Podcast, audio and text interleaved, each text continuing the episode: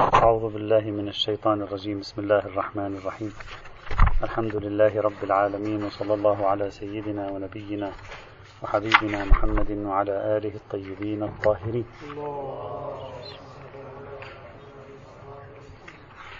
كنا نتكلم في النقطة الأخيرة في إطار توضيح نظرية تنقيح المناط لنستخرج من مجموع النقاط التي مرت فهمنا لهذه القاعدة. النقطة الأخيرة كانت هل تنقيح المناط قياس أو ليس بقياس؟ ذكرنا أنه في المراجعة والتتبع توجد يعني وجهتا نظر هنا في أن تنقيح المناط قياس أو ليس بقياس. وجهة النظر الأولى تقول تنقيح المناط ليس بقياس تنقيح المناط شيء القياس شيء آخر.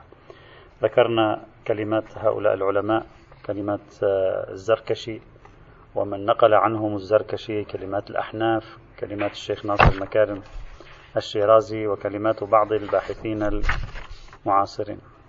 وجهة النظر الثانية هنا هي وصلنا إلى هنا. وجهة النظر الثانية تقول تنقيح المناط قياس لا فرق بين القياس وتنقيح المناط. وهذا يمكننا أن نستكشفه استكشافا من أولئك الذين وضعوا تنقيح المناط في بحث مسالك التعليل في القياس. يعني كل أصولي وضع بحث تنقيح المناط ضمن مسالك التعليل في القياس فهو منطقيا يتوقع أن يكون قائلا بأن تنقيح المناط آه، قياس. لأن مسالك التعليل عمليا هي عبارة عن العمود الفقري للقياس. فمنطقيا يتوقع ذلك من هؤلاء.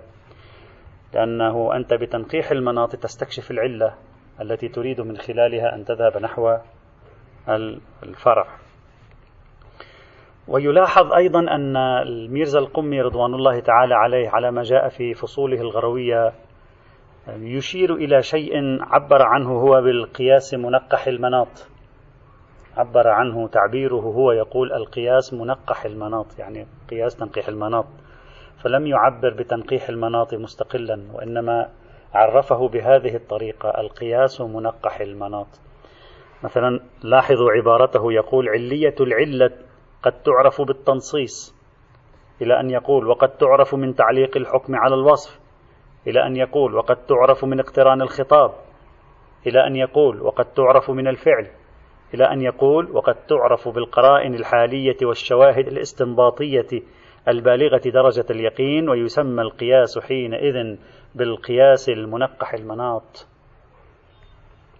هذا واضح منه أنه جعل وسائل اكتشاف العلة الوسيلة الأخيرة ملاحظة القرائن الحالية والشواهد الاستنباطية ثم عبر عن ذلك بالقياس منقح المناط.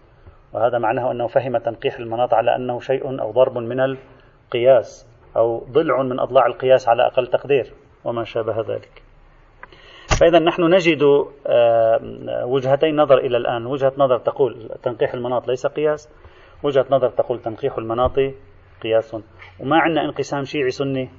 يعني قد تجد شيعيا من يقول تنقيح المناط قياس وقد من يلوح منه تنقيح المناط ليس بقياس. وقد تجد سنيا أيضا من يقول تنقيح المناط قياس ومن يقول تنقيح المناط ليس بقياس. فالموضوع معذرة ليس الشيعي سني وإنما سني سني وشيعي شيعي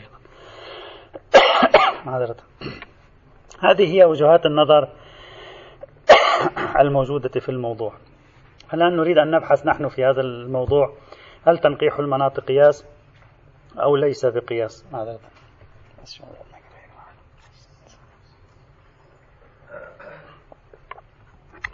عفوا كنت تريد تقول شيء قبل قليل؟ آه. عملية المقارنة والمقاربة بين تنقيح المناط وبين القياس تخضع لقراءتين. الآن سنعطي يعني ما نراه صحيحا في معالجة الموضوع. توجد طريقتين في التعامل مع هذا الموضوع مع ربط تنقيح المناط بالقياس. الطريقة الأولى هي القراءة المصطلحية. يعني أنا أدرس القياس مثلا عند هذا العالم وأدرس تنقيح المناط عند هذا العالم وأرى القياس عنده هو نفسه تنقيح المناط أو غير تنقيح المناط. أو مثلا أدرس القياس عند مثلا الأحناف ثم أقيسه بنظرية تنقيح المناط فأرى القياس عندهم شيء وتنقيح المناط شيء آخر. وهكذا. هذه قراءة مصطلحية تاريخية تتبعية. ممكن يكون القياس عند فريق من العلماء. هو نفسه تنقيح المناط. ممكن القياس عند فريق من العلماء. مغاير لتنقيح المناط. هذا هذا لا شأن لنا به. لا نبحث في هذه القضية الآن. طبعا هذا يهمنا أين؟ يهمنا عندما نريد أن نعرف أن أهل البيت لما نددوا بالقياس بأي شيء نددوا. هذا الذي كان في ذهن أهل البيت عندما قالوا القياس مرفوض. ما هو الذي كان في ذهنهم؟ أي تعريف للقياس كان في ذهنهم؟ هذا ينفعنا. نعرف نسبة القياس إلى تنقيح المناط في ذهن الإمام الصادق عليه السلام. في رأيه هو. أو مثلا القياس في زمانه هل كان يعني تنقيح المناط أو يشمل تنقيح المناط أو لا؟ حتى إذا الإمام هاجم القياس فهو يكون قد هاجم تنقيح المناط أو لا. هذا نعم ينفعنا هذا البحث المقاربة التاريخية تنفعنا في رصد آه، ما فهمه أهل البيت من القياس وما فهموه من تنقيح المناط وبالتالي هجومهم على القياس هل كان هجوما على تنقيح المناط أو لا؟ هذا سيأتي. أما نحن الآن نريد أن نخرج من الإطار التاريخي إلى إطار تحليلي. نريد أن نقول تنقيح المناط هل هو نفسه القياس أو لا؟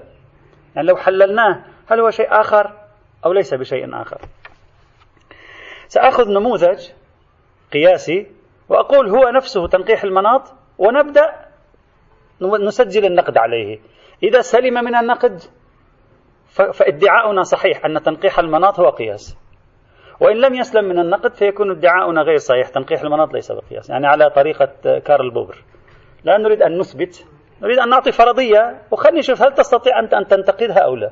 إذا نجحت في نقدها لا بأس تكون هذه الفرضية باطلة. إذا ما نجحت في نقدها تكون هذه الفرضية هي الصحيحة إلى أن يثبت نقدها. ما هو القياس؟ أنا تأملوه معي. الفقيه ينظر إلى نص إلى دليل. يدل على حكم ثابت على موضوع.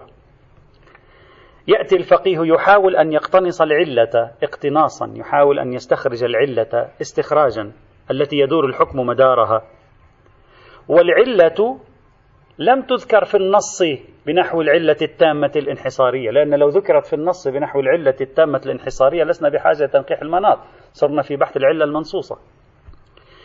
يقوم الفقيه يرى حكم منصب على مورد معين يستخرج العلة بواسطة حذف عفوا القياس يستخرج العلة ثم يقول هذه العلة موجودة في الفرع فينزل الحكم الذي ثبت على العلة ينزله على الفرع. وهذا القياس. هذا أبسط صيغة للقياس.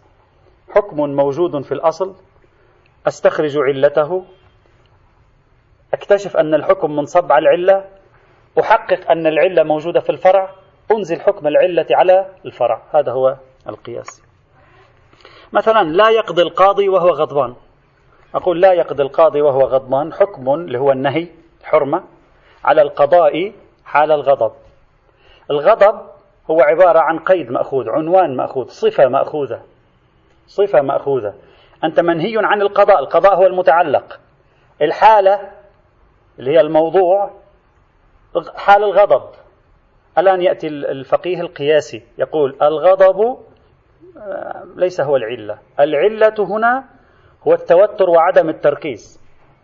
التوتر هو هكذا يستنبط. التوتر وعدم التركيز يكونان حال الغضب. يخرج الإنسان عن الصواب يخطأ في إصدار الحكم القضائي. هذه هي العلة. إذا لا يقضي القاضي وهو متوتر غير مركز. هذه العلة موجودة في حالة كونه محصورا بالبول. نقول لا يقضي القاضي وهو محصور بالبول لأن العلة موجودة هناك أيضا. هذا هو القياس. هذا مثال بسيط جدا لإجراء عملية قياسية بسيطة للغاية. الآن لنذهب إلى تنقيح المناط. ممكن نحن الآن سندعي أن تنقيح المناط هو هذا هو هذا تنقيح هذا قياس هذا كلكم تقولون قياس. هذا حتى هذا المثال هم كلهم يقولون قياس هذا هذا قياس. هذا ما فرقه عن عن تنقيح المناط لا يوجد فرق. سأعطي مثال ثاني هو تنقيح مناط. لنفرض أن الإمام قال طهر يدك من وقوع البول عليها مرتين بالماء القليل. طهر يدك من وقوع البول عليها مرتين بالماء القليل. الحكم هو الوجوب. المتعلق هو التطهير عملية التطهير. متعلق المتعلق اليد. هناك شو كان متعلق المتعلق؟ الغضب. فأقول لا خصوصية أنا أفكر بطريقة تنقيح المناط. لا خصوصية لليد. ليس لها خصوصية. المدار ما هو؟ البدن. إذا صار العلة هي عبارة عن البدن. يعني صار التعبير هكذا. طهر بدنك من البول مرتين بالقليل. نجي إلى الرجل. الرجل من البدن؟ نعم من البدن. نطبق الحكم على الرجل الذي هو الفرع ونثبت الحكم في الرجل حينئذ. وهذا هو آه،, آه نعم الآن. فهو نحن منذ أن بدأنا تدريس هذا العام ونحن نقول اصطلاح أهل السنة العلة ليس الملاك. العلة هو عبارة عن الصفة التي يدور الحكم مدارها يعني موضوع. ما تسمي قلنا مرارا ما تسمي أنت بالموضوع. الموضوع اللي هو عبارة عن الصفة التي ينزل الحكم عليها. هنا الصفة التي نزل الحكم عليها هي عبارة عن البدن. يعني النقطة التي تمركز حولها الحكم هو البدن. أو على الأقل هو جزء منها. يعني البول الذي على البدن أو البول الذي على اليد هو هذا المدار عليه يدور الحكم. فحيث يكون بول على بدن وجوب تطهير ثابت حيث لا يكون بول على بدن وجوب التطهير ليس بثابت. وهذا هذا هذا معنى العلم. عدم التركيز ما قيس في الجسم. هناك عدم التركيز هو العلم. الجسم. أصلا الجسم ليس الجسم ليس لأنك ماذا؟ لا ما ماذا تقصد من كلمة علة؟ يعني علة التي يراد منها أن يسري تقصد من العلة الملاك؟ لا, لا لا أحد يقصد في باب القياس من العلة الملاك. وإذا كان يقصد من العلة الملاك فقد مر معنا أن أهل السنة أغلبهم لا يقبلون بالتعليل بالملاك اللي هو التعليل بالحكمة. مر معنا. هذا بالتفصيل يعني. لا يقصدون ذلك. هو يقول لا يقضي القاضي وهو غير مركز. هذا معناها. مش أنه الموضوع هو هذا صار. يعني الحالة التي يأتي الحكم دائرا مدارها منصبا عليها هو غير مركز. كلمة غاضب حذفناها وضعنا مكانها كلمة غير مركز. ما الفرق بينها وبين تنقيح المناط لا يوجد فرق. يعني الآن هذا ادعائي الآن. لا يوجد فرق بين المثال لا يقضي القاضي وهو غضبان اللي هو مثال قياسي وبين طاهر يدك من البول أو العبد. اعتق العبد إذا كانت الأمر حالة الفلانية وتقول لا خصوصية للعبد. فإنه المدار على الرقية فالحكم ينصب على اعتق الرقيق عندك. وهذا نفس الشيء. إذا العلة العلة هنا ليس بمعنى السبب. العلة يعني المدار الذي يدور الحكم مداره هو عبارة عن الرقيق وليس العبد الذكر. فغيرت تغيرت المعادلة. وهذا نفس الشيء. سنشير بعد قليل إلى إشكال الشيخ ناصر مكارم وكيف سنجيب عنه. فهذا هو الادعاء الآن هذا ادعائي أنه أي صورة للقياس تعطيني أي صورة عفوا لتنقيح المناط تعطيني إياها هي صورة قياسية. هي قياس تعبير آخر عن قياس. تلغي صفة تضع مكانها صفة أخرى هذه عملية اكتشاف ضمني للعلة العلة بالمعنى الذي قلنا. هذه العلة صارت تستوعب الفرد الجديد. يعني تنزلها على هو الفرد الجديد اللي هو الرجل. هذا فرع هو اسمه فرع. أنت ما بتحب تسميه فرع؟ نحن نسميه فرع. وشو يعني هي ليست قضية أسماء وهكذا العملية. فإدعاؤنا الآن هذه فرضية الآن. إدعاؤنا أن تنقيح المناط في روحه وجواره قياس. هلا حجة ليس بحجة ما في مانع. قد يكون قياس حجة وقياس ليس بحجة هذا بحث آخر. نتكلم في الحكم الآن نتكلم في الموضوع يعني في الصفة. في التعريف. نعم ممكن. نعم القياس له من أين أأتي؟ من أين أأتي باكتشاف العلة؟ هناك طرق. الآن سنشير إلى هذه. هذا الافتراض الذي ندعيه. سنرى هل الذين قالوا تنقيح المناط غير القياس لديهم شيء يبطل هذا الافتراض أو لا؟ هذا افتراض حتى الآن. لديهم شيء يبطل هذا الافتراض أو لا؟ أولا الآن على شكل إشكالات أو مداخلات منهم لنرى ما يبطل هذا الافتراض. أولا أو المداخلة الأولى تنقيح المناط عملية قطعية القياس عملية ظنية. وهذا لاحظناه فيما نقله الزركشي عن بعض الأحناف. عندما فرقوا بين القياس وبين تنقيح المناط فرقوا بالصفة. صفة هذا أنه قطعي اللي هو تنقيح المناط صفة ذاك أنه ظني وهو القياس. فصار عندنا كل تنقيح مناط قطعي وكل قياس ظني. وإذا القياس غير تنقيح المناط خلاص. هذا هذا فارق ميز بينهما فادعاؤكم غير صحيحين. في لا يقضي القاضي وهو غضبان هذا قياس لأنه ظن. في طهر يدك من البول مرتين بالماء القليل هذا تنقيح مناط. لماذا؟ لأنه قطع. إذا أنا ميزت بينهما. فاعتبارك الحالتين حالة واحدة ليس بصحيح هذا أول إشكال قد يسجل. هنا يمكن أن نلاحظ. أولا هذا التصوير في حد نفسه هذا التصوير أنت تصوره لي الآن وصوره لنا الأحناف هذا التصوير في حد نفسه غير متفق عليه. هذه المناقشة الأولى مناقشة أشبه بالنقضية أو أشبه بالمشاكسة. المناقشة الثانية هي الجواب الحقيقي. هذا غير متفق عليه. هذا الكلام غير دقيق. أن كل قياس ظني وكل تنقيح مناط قطعي. هذا الكلام غير دقيق. كثير من الإمامية أعطيك مثال كثير من الإمامية يقولون تنقيح المناط القطعي حجة تنقيح المناط الظني ليس بحجة. وهذا دليل على أنهم تصوروا تنقيح المناط له حالتين حالة ظنية وحالة قطعية. فادعاؤك أن كل تنقيح مناط هو قطع وكل قياس هو ظن ليس له وجه. سماه معلوم مطابقته مع التراث الإسلامي مع الموروث الأصولي والفقهي عند المسلمين. لا أقل إمامية قطعا هكذا. فإنك تجد عندهم هذا يقول لك ظني تنقيح مناط ظني لا حجية له ذاك يقول لك تنقيح مناط قطعي نعم لا بأس. يمكن أن نقول بحجة تنقيح المناط لا يتسم بالظنية الظنية ليست صفة ملازمة له حتى تكون مائزا بينه وبين القياس أبدا وأيضا بالعكس القياس إذا تذكرون بحثنا سابقا أن أن العلة المنصوصة هل هي قياس أو لا؟ هذا بحثنا فيه سابقا ذكروا الخارطتين رسمناهما على. ورأينا أن العديد من علماء المسلمين فهموا العلة المنصوصة على أنها قياس ولذلك عبروا عنه بالقياس منصوص العلة. وأن بعض علماء المسلمين فهموا العلة المنصوصة شيء غير القياس فلم فلم يعبروا عن العلة المنصوصة بالقياس منصوص العلة. رفضوا هذا التعبير. إذا هذا دليل على أن كل قياس ومنصوص العلة قد تكون العلة الصريحة تبلغ رتبة اليقين ولا لا تبلغ حتى رتبة الظهور الظني. إذا يمكن تصور قياس منصوص العلة مع يقين فهذا قياس مع يقين. ويمكن تصور تنقيح المناط مع الظن فذاك تنقيح مناط مع الظن. فادعاء أن المائز الحقيقي بينهما الظن واليقين ليس صحيحا على طول الخط حتى على على وفق معطيات التراث الإسلامي. ليس أمرا متفقا عليه هذا حتى أنت تعطيني هذا المائز على أنه مائز نهائي إلى الأبد. هذه ليست إشكال هذا فقط مداخلة أن هذا الادعاء ليس محسوما بين علماء المسلمين. ثانيا إشكال الثاني أو باء يعني. هذا الفرق بين بين شيئين بالظن واليقين هو فرق ليس حقيقيا. هذا فرق ليس حقيقي. لا يغير الأشياء. اليقين والظن لا يغير الأشياء. اليقين والظن لا يغيران الأشياء بنفسهما. ليس عنصرا مجوهرا للعمليات الذهنية. حتى نقول هذا يقين وهذا ظن.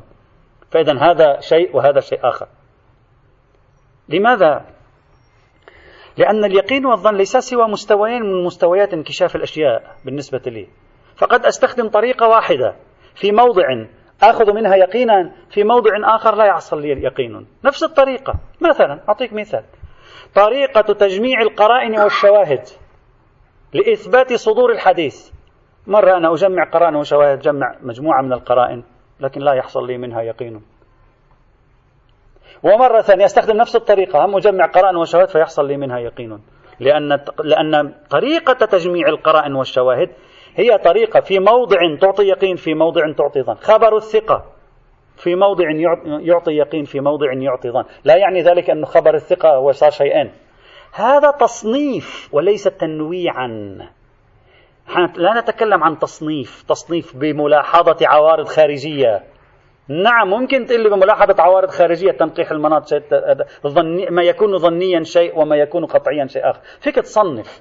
لكن هذا لا يعني تنويعا. يعني خبر الثقة في مورد يعطي يقين وفي مورد آخر يعطي ظن. لا يعني ذلك أن حقيقة خبر الثقة في الموضع الأول شيء وحقيقة خبر الثقة في الموضع الثاني شيء آخر. هو خبر ثقة خبر ثقة. شو, شو يعني تعريفه الجو الحقيقي يختلف؟ لا يختلف.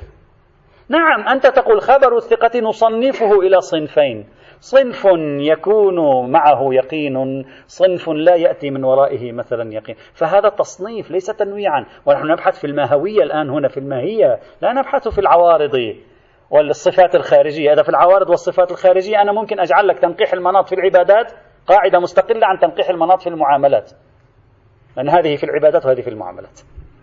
وهذه ليست تنويعات وإنما هذه تصنيفات. مثل نظام القرينة. القرينة قرينة. مرة بتكون قرينة قطعية مرة بتكون قرينة ظنية. لكن فكرة القرينة حقيقة القرينية واحدة.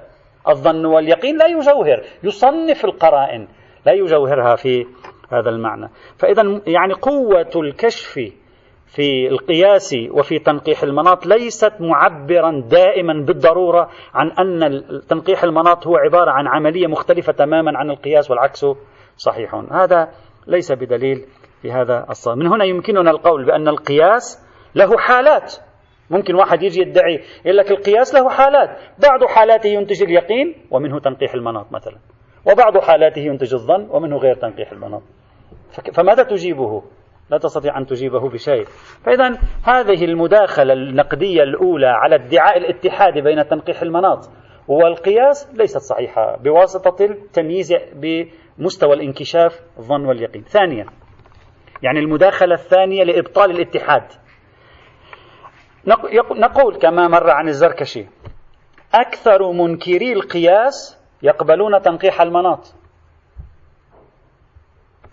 تذكرون هذا على الغزالي معذرة. نقلناه لما ذكرنا نص الغزالي في المستصفى. أكثر منكري القياس يقبلون بتنقيح المناط. وهذا دليل على أن تنقيح المناط غير القياس. لأنه إذا كان تنقيح المناط قياس فكيف قبل به منكر أكثر منكري القياس؟ إذا كان تنقيح المناط قياس فالمفروض منكر القياس يعني ينكر تنقيح المناط. فكيف الذين أنكروا القياس قبلوا تنقيح المناط؟ هذا دال على المغايرة. كاشف عن أن تنقيح المناط شيء والقياس شيء آخر.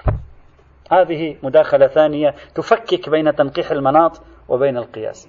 إلا أن هذه المداخلة غير صحيحة وأشرنا سابقا عندما ذكرنا تعريف الغزال إلى عدم صحتها. وذلك إن الذين أنكروا القياس ثم آمنوا بتنقيح المناط يحتمل في موقفهم احتمالان.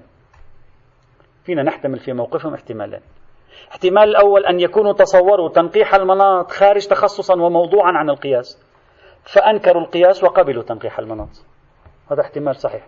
وهذا يؤيد رأي صاحب المداخلة. احتمال ثاني أن يكونوا قالوا القياس يشمل تنقيح المناط. لكن تنقيح المناط قياس دل الدليل على حجيته. غيره لا دليل على حجيته. هذا أيضا متصور. هذا هم أيضا متصور. نحن فقط أخذنا نتيجة تصورهم. ممكن يكونوا تصوروا أن تنقيح المنط قياس ومع ذلك أخرجوه عن دائرة عدم الحجية. وما أكثر ما يحصل هذا. أنا أعطيك أمثلة. قياس الأولوية. كثير من العلماء قبلوا بقياس الأولوية وبأنه قياس ووافقوا على حجيته. إذا قبلوا بقياس الأولوية وأنه قياس ووافقوا على حجيته. يعني اجتمع في ذهنهم تصورين تصور القياسية وتصور الحجية. في الوقت الذي هم ينكرون حجية القياس. وقبل قليل قرأنا كلام الميرزا القمي الذي وصف تنقيح المناط بالقياس منقح العلة. فإذا هو تصوره قياس وقال بحجيته ومع ذلك هو لا يؤمن بحجية القياس أصلا. فإذا اجتماع فكرة إنكار القياس مع الالتزام بحجية تنقيح المناط لها متصورين. أن يكون القياس وتنقيح المناط متغيرين موضوعان فدليل عدم حجية القياس لا يشمل تنقيح المناط. أن يكونا متحدين موضوعان ما معنى متحدين؟ مش تنقيح المناط هو نفسه القياس تنقيح المناط من القياس. أبدا لا أحد يدعي أن تنقيح المناط هو قياس بمعنى هو هو وهو هو. وأنه لا يمكن تصور قياس بدون تنق... خارج تنقيح المناط ولا يمكن تصور تنقيح المناط خارج قياس. لا أحد يدعي هذا. المدعى أن تنقيح المناط داخل نظرية القياس. فممكن يكون شخص يؤمن بنظرية القياس لكن هذا النوع من القياس يخرجه عن دائرة عدم الحجية ولا بأس بذلك. فلا نستطيع أن نستكشف من اجتماع فكرة حجية تنقيح المناط مع عدم حجية القياس أن تنقيح المناط في أذهانهم كان شيئا آخر غير حجية القياس. بل لو سلمنا هذا فهمهم. فسلمنا هذا فهمهم ليس حجة أن نبحث في أصل القضية نحن. هذا المداخلة الثانية المداخلة الثالثة وهي ما ذكره الشيخ ناصر مكارم الشيرازي كما شرحنا بالأمس. قال النظر في القياس إلى علة الحكم والنظر في تنقيح المناط إلى موضوع الحكم. قال النظر في القياس إلى العلة وبتعني المصلحة والملاك. والنظر في تنقيح المناط إلى الموضوع ولا علاقة للموضوع بالمصلحة والملاك. ليس الموضوع هو المصلحة والملاك أبدا. وبالتالي إذا تنقيح المناط غير القياس. هذه نتيجة مهمة. الجواب هذا التصور الذي يطرحه الشيخ حفظه الله إن كان هو يريد هو يعني يبتكر اصطلاحا لا بأس كل إنسان حر يبتكر الاصطلاح الذي يريد. يعني بإمكانه أن يقول أنا القياس عندي هو هكذا وال... هذا ما عندنا مشكلة فيه. أما هذا هو القياس في التراث الإسلامي هذا هو القياس المتنازع عليه بين المسلمين بالتأكيد لا. يعني في حدود فهمه بالتأكيد لا. كل من يقرأ تراث المسلمين الأصولي فيما يتعلق بالقياس عند السنة وعند الشيعة هذا التمييز هذا التعريف للقياس أن المراد فيه العلة بمعنى الملاك هذا كله غير صحيح أبدا. لا وجود لهذه الفكرة بهذا هذا موجود موجود آراء متفرقة ممكن. لا يدعون هذا. شرحنا هذا الأمر مرارا وتكرارا سابقا. لا يوجد شيء في باب القياس اسمه العلة الملاكية. أنها هي التي نكتشفها نحن. القياس هو اكتشاف العلة الملاكية وتسرية الحكم عبر العلة الملاكية إلى حكم آخر. ما موجود. هذا رأي قليلين من القائلين بالقياس. بينما المشهور يرفضون التعليل بالحكمة. والحكمة في اصطلاح أهل السنة الملاك كما قلنا سابقا. ما موجود شيء من هذا القبيل. يعني مرة أنا أريد أخترع مصطلح. براحتي. اخترع المصطلح الذي أريد. مرة أريد أن أقول هذا هو القياس الذي يعرفه المسلمون. لا ليس هذا هو القياس الذي يعرفه المسلمون. هذا ليس قياس الذي يعرفه المسلمون. الآن سأشرح أكثر من ذلك. كل النظر في مس... مثلا سأعطي مثال. النظر في مسالك التعليل. مسالك التعليل هي العمود الفقري للقياس عند أهل السنة. انظر أنت الآن روح راجع مسالك التعليل عند أهل السنة. ماذا سترى؟ العلة المنصوصة واحدة من مسالك التعليل. أول واحد أول مسلك من مسالك التعليل العشرة هي العلة المنصوصة. أول مسلك هو العلة المنصوصة. ممتاز. والعلة المنصوصة لا تعطي الملاك. أخوي أصلا أهم مسلك من حيث القوة هو العلة المنصوصة. والعلة المنصوصة لا تعطي الملاك. العلة المنصوصة تعطي العلة يعني تعطي المدار. وشرحنا هذا سابقا يعني حرمت الخمر لإسكارها. الإسكار ليس الملاك. الإسكار ليس هو الملاك هو العلة.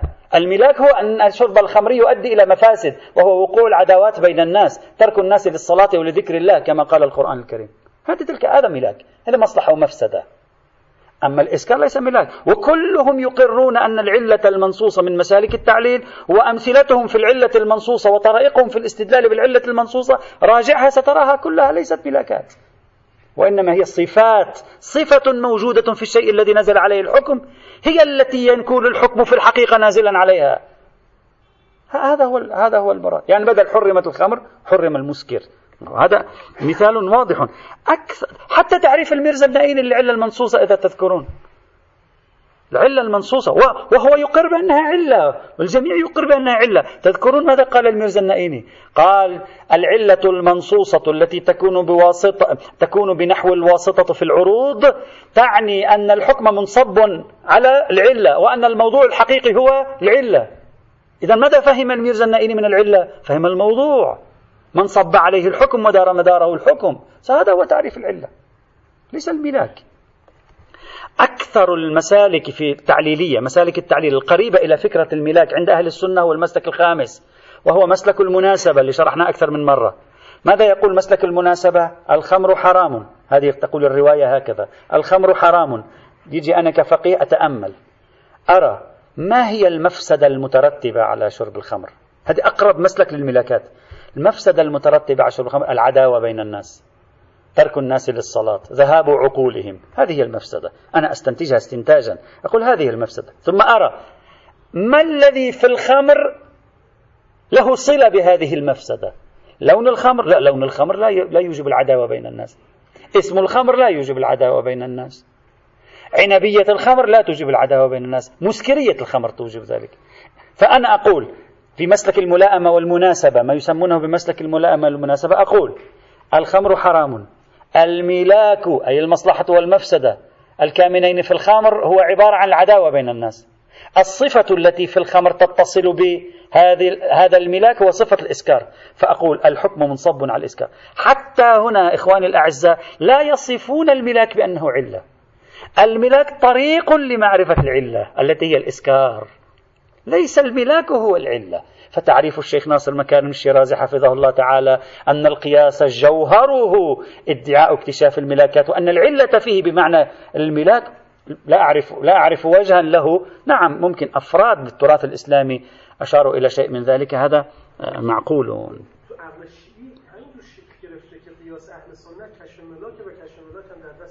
نعم هو هذا الذي أقول. هذا التفسير الذي يذكر غير دقيق. غير دقيق. نعم كشف الملاك عندهم طريق لمعرفة العلة. ممكن يكون خطأ. هذا الطريق باطل ظني تخمين تقول على الله. طريق لمعرفة لا أنهم يقصدون بالعلة في باب القياس الملاك. إلا تلك الجماعة التي آمنت بالتعليل بالحكمة. بحثناهم سابقا. وهي جماعة قليلة من أهل السنة. آه الحكمة بالمصطلح السني لا بالمصطلح الشيعي اللي هو العلة الناقصة. ويؤكد ما نقول أكثر من ذلك أن مشهور علماء السنة رفضوا التعليل بالحكمة كما قلنا. وهذا معناه أنهم لا يجعلون العلة هي المصلحة والمفسدة وإلا لآمنوا جميعا بالتعليل بالحكمة. أصلا لكان القياس معناه التعليل بالحكمة. يعني تعريف الشيخ ناصر مكارم الشيرازي يساوي أن القياس معناه التعليل بالحكمة يعني العلة هي الحكمة. وهذا يرفضونه هم.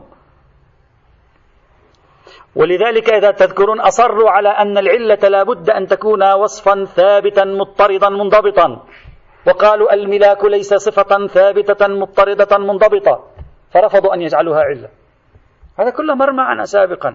وهذا يؤكد خطأ هذه الاستنتاجات التي قد تنتشر هنا وهناك أحيانا. يكفيك أن تذهب إلى كتب الفقه السني وترى تطبيقات الفقه السني للقياس لتستكشف أن ما يسمونه بالعلة ليس هو الحكمة ليس هو الملاك وإنما هو مفهوم أعم وغالبا ليس الملاك يعني لا ينطبق عليه إطلاقا. فهذه المداخلة الثالثة أيضا غير دقيقة. المداخلة الرابعة لإثبات أو لإبطال فرضية الاتحاد بين تنقيح المناط والقياس. ما ما طرحه أيضا الشيخ مكارم الشيرازي ذكرنا كعينة يعني. حيث قال تنقيح المناط من شؤون توسعة المنطوق ولا علاقة له بالمفهوم. وكأنه يريد أن يقول القياس لا علاقة له بالمنطوق. أنت تنقيح الآن آه، تأملوا جيدا. يقول تنقيح المناط من شؤون المنطوق. لما قلت تنقيح المناط من شؤون المنطوق معناته القياس صار خارج تنقيح المناط. لأن القياس إذا كان من شؤون المنطوق صار في نص. وإذا في نص لا قياس. وهو القياس متى يبدأ؟ عندما لا يكون هناك نص.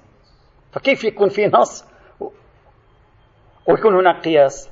فبهذه الطريقة فصل الشيخ ناصر مكارم الشيرازي ما بين تنقيح المناط اللي هو من شؤون توسعة المنطوق وما بين القياس اللي هو خارج عالم المنطوق. قطعا خارج عالم المنطوق القياس. فهما اثنان لا, لا, لا, لا يلتقيان أبدا. هذا مداخل. والجواب خلع صفة المفهوم عن تنقيح المناط يعني خلع صفة المنطوق على خلع عن ومقابل خلع على. خلع صفة المفهوم عن تنقيح المناط لجعل تنقيح المناط دلالة منطقية يعني يبدو لي غريبا إلا إذا كان الشيخ ناصر مكارم الشيرازي حفظه الله نظرية خاصة في باب المفاهيم. بمقدار مراجعتي في دورته الأصولية ما شفت يعني آه، إشارة واضحة تسعفني في اكتشاف نظرية مستقلة له في هذا الباب. يعني أن تصور لي أنت أن تنقيح المناط من شؤون دلالة المنطوق وليس من شؤون دلالة المفهوم هذه عملية صعبة وغريبة أيضا بعض الشيء وسأقول لماذا غريبة. إلا إذا الشيخ كما قلت عنده رأي خاص في الموضوع لا أدري بناء ربما يكون مبني على مبنى خاص العلم عندنا. نحن الآن نتكلم على المبنى السائد في قضية المنطوق والمفهوم في باب المفاهيم. تنقيح المقال لا يوسع دلالة المنطوق. التوسعة لا تكون نتيجتها منطوقية. لا يوسع دائرة المنطوق وإلا كل المفاهيم تكون مناطيق. بعد ما في مفهوم يعني شو يعني مفهوم إذا ما في شيء اسمه مفهوم. لأن كل مفهوم هو توسعة لدائرة منطوق يعني هو عبارة عن المنطوق صار بيعبر عن نفسه مرة بالصوت ومرة ما وراء الصوت اللي هو المفهوم. إذا كان هكذا يعني فماذا يقصد من المنطوق؟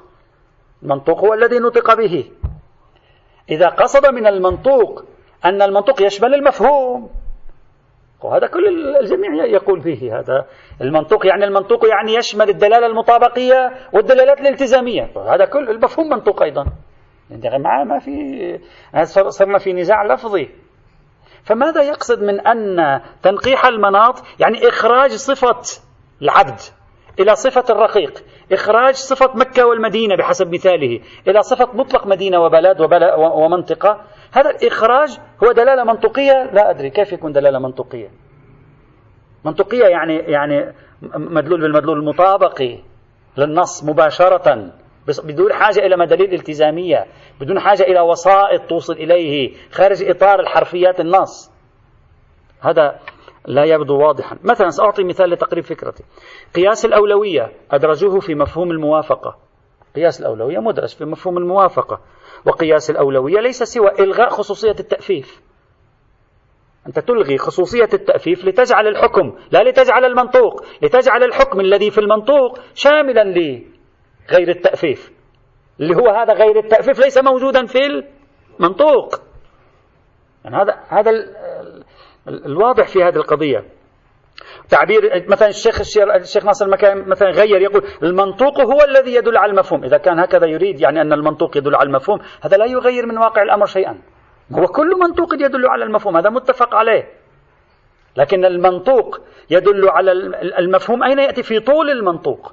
هو بدون المنطوق لا يوجد مفهوم. يعني صحيح أن المفهوم يأتي في طول المنطوق. لكن هذا لا يعني أن المفهوم مدلول عليه بالدلالة المنطوقية. هذا يعني أن المفهوم مستنتج استنتاجا بدلالة التزامية بعد مجيء المنطوق إلى ذهننا. وهذا تعريفهم لباب المفاهيم. نعم في حالة واحدة. ممكن تستنتج استنتاجا التزاميا ويكون الاستنتاج الالتزامي منطوقا. هذا تحليلها. وهو في مثل الأمثال الشعبية في مثل الكنايات. مثلا إذا قلت لك زيد كثير الرماد زيد كثير الرماد في فضاء يعرف ما معنى هذه الكلمة. زيد كثير الرماد يعني يساوي زيد كريم. صحيح؟ زيد كثير الرماد يعني زيد كريم عنده ضيوف كثر يعني يشوي لهم ويطبخ لهم. والذي يشوي كثيرا ويطبخ كثيرا يستعمل النار. والذي يستعمل النار حتما عنده رماد كثير. فنقول زيد كثير الرماد في إشارة إلى كرمه مثلا. طيب، هنا في مثل زيد كثير الرماد نعم. الدلالة المنطوقية ممكن تكون معناها كريم لا معناها كثرة الرماد. لماذا؟ لأن الذهن بعد الذهن العرفي في مثل الأمثال الشعبية في مثل الكنايات أصلا حتى الجملة لا يلتفت إليها. يعني هو بعد لا يتصور رمادا هو يتصور كرما. بعد لا يتصور رماد ما في رماد انتهت ولذلك ممكن الآن أنت تقول عن شخص كثير الرماد مع أنه يطبخ بكهرباء أو الغاز. وتقول عنه كثير الرماد ما في رماد أصلا في الموضوع. لماذا؟ لأن الكلمة من شدة التصاقها بالمعنى الالتزامي الكنائي لم يعد المتلقي يتصور المعنى المطابق لها أصلا. مباشرة صار معناها المطابق كرم. مثل مثلا فما بكت عليهم السماء والأرض وما كانوا منظرين. مش بكته يبكي. أصلا مباشرة لما يسمعها العربي يعني ما أسف عليهم أحد. بعد هو لن يتصور سماء وأرضا ثم ينتقل من تصور السماء الأرض إلى مدلول التزامي من شدة التصاق المدلول الالتزامي بالمدلول المطابقي صار المدلول المطابقي هو الذي يأتي إلى الذهن فورا. إلى حد أن المدلول المطابقي الأولي لا يأتي إلى الذهن. الآن أنا أعطيكم أمثلة حتما كل واحد مننا في أعراف بلده توجد أمثلة حتى أنك أنت لا تعرف هذا المثل الشعبي ما هو أصله بل لا تعرف ترجمة كلماته. أنت الآن فكر في الأمثلة الأمثال الشعبية ضرب المثل. فكر فيها. في كثير من ضرب المثل أو الأمثال الشعبية أصلا أنت لا تعرف معناها. حتى المفردات هم أنت لا تعرفها. بعضها حتى المفردة لا تعرفها. ولكنك تفهم المعنى. كيف انتقل الذهن الذي لا يعرف المدلول الحرفي المطابق إلى المعنى رغم أنه لا يعرف المدلول الحرفي؟ هذا نعم في الكنايات في الأمثلة الشعبية أو الأمثال الشعبية هذا معقول. لكن هذا غير بحث المنطق والمفهوم. هذا يمكن أن يقول عنه الشيخ ناصر مكارم الشيرازي إن دلالة دلالة اللي هي في الحقيقة التزامية هي دلالة منطوقية. ممكن نقبل بمثل هذا. أما مثلا غير ذلك لا. نعم إذا كانت كلمة لا تقل لهما أف هي في الدلالة العربية لا تؤذهما نعم صارت لا تقل لهما أف تعني على تعني النهي عن الضرب بالمدلول المطابق. أما إذا كانت لا تقل لهما أف تعني عندهم نهي عن التأفيف. وهم يستنتجون من شخص ينهى عن بص... أمر بسيط من الأذية أنه ينهى عن أمر كبير. هذا لا يكون حينئذ إلا دلالة مفهومية ولا يكون دلالة منطقية في مثل هذه الحال. والغريب أن الشيخ ناصر مكان الشيرازي في مواضع أخرى من, كتب من كتابه ذكر شيئا غير هذا. لا نريد أن نطيل ندخل في مشاكسة آه، يعني لفظية في أماكن فإذا ما يقوله الشيخ من أن تنقيح المناط من شؤون توسعة المنطوق لا لا تنقيح المناط ليس توسعة منطوق ليس دلالة منطقية تنقيح المناط دلالات التزامية. تخرج عن الدلالة الحرفية للنص. ليست دلالة. نعم إلا في كما قلت مثلا الأمثال الشعبية كنايات واضحة شيء من هذا القبيل. خامسا أو المداخلة الخامس. إذا حتى الآن فرضيتنا سالمة. حتى الآن ما زالت سالمة عن النقد. آه، المداخلة الخامسة. ما طرحه بعض الباحثين كما قلنا بالأمس.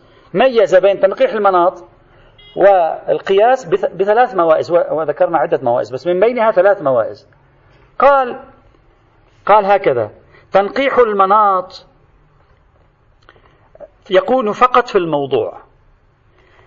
في القياس يشمل الموضوع والمصلحة. قال تنقيح المناط منهجه فقط مناسبات الحكم والموضوع. القياس منهجه مناسبات الحكم والموضوع وغيره. أيضا قال أساس الحجية في تنقيح المناط الظهور. أساس الحجية في القياس الظهور وغيره. وبالتالي تبين أن تنقيح المناط شيء والقياس شيء آخر. آه هكذا. نعم. يعني آه قال تنقيح المناط أساس الحجية فيه الظهور. القياس أوسع. تنقيح المناط. يرتبط بالموضوع القياس أوسع يرتبط بالموضوع والعلة يعني الملاك مراده. فبهذه الطريقة اعتبروا أن تنقيح المناط منفصل عن القياس. وهذا لا لا لا يثبت شيئا. نحن لا ندعي ولا أظن لا أعرف أحدا في الحد الأدنى يدعي أن تنقيح المناط هو يساوي القياس بينهما نسبة التساوي. فكل تنقيح مناط قياس وكل قياس تنقيح مناط. هذا لا نعرف أحدا يقول به. كل ادعاء المدعي هنا أن تنقيح المناط ضرب من القياس شكل من أشكال القياس. بناء عليه هذه الموائز الثلاث ليست موائز أصلا بالعكس هذه قد تؤكد. لماذا؟ لأن القياس هو عبارة عن المعنى العام. القياس يتصل تارة بالموضوع تارة يتصل بالمصلحة. إذا ممكن يكون تنقيح المناط قياس. يعني نوع من أنواع القياس صنف من أصناف القياس طريقة من طرق القياس. يعني يندرج تحت أحد فرعيه أساس الحجية في القياس الظهور وغير الظهور. أساس الحجية في تنقيح المناط الظهور. وهذا لا يمنع أن يكون تنقيح المناط قياس وهو من النوع القياسي الذي أساسه الظهور. أنت ما فعلت شيء يعني. هذا إذا سلمنا أن القياس يمكن أن يكون أساسه الظهور. أنا لا أعرف يعني ماذا يقصد من تعبير أن القياس يمكن أن يكون أساسه الظهور. قياس أساسه الظهور بالمعنى المعروف للقياس. لا أدري ماذا يقصد من ذلك. لأنه إذا كان في ظهور ما في قياس. مفترض يعني. فإذا هذه التمييزات ليست تمييزا بل أقصاها تثبت أن تنقيح المناط لا يساوي القياس لكنها لا تنفي أن تنقيح المناط تحت كبرى القياس وفرع من فروع القياس وتطبيق من تطبيقات القياس.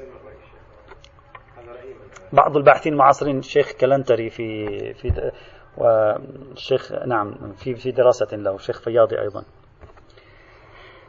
سادسا خلاص. إن شاء الله. على غدا.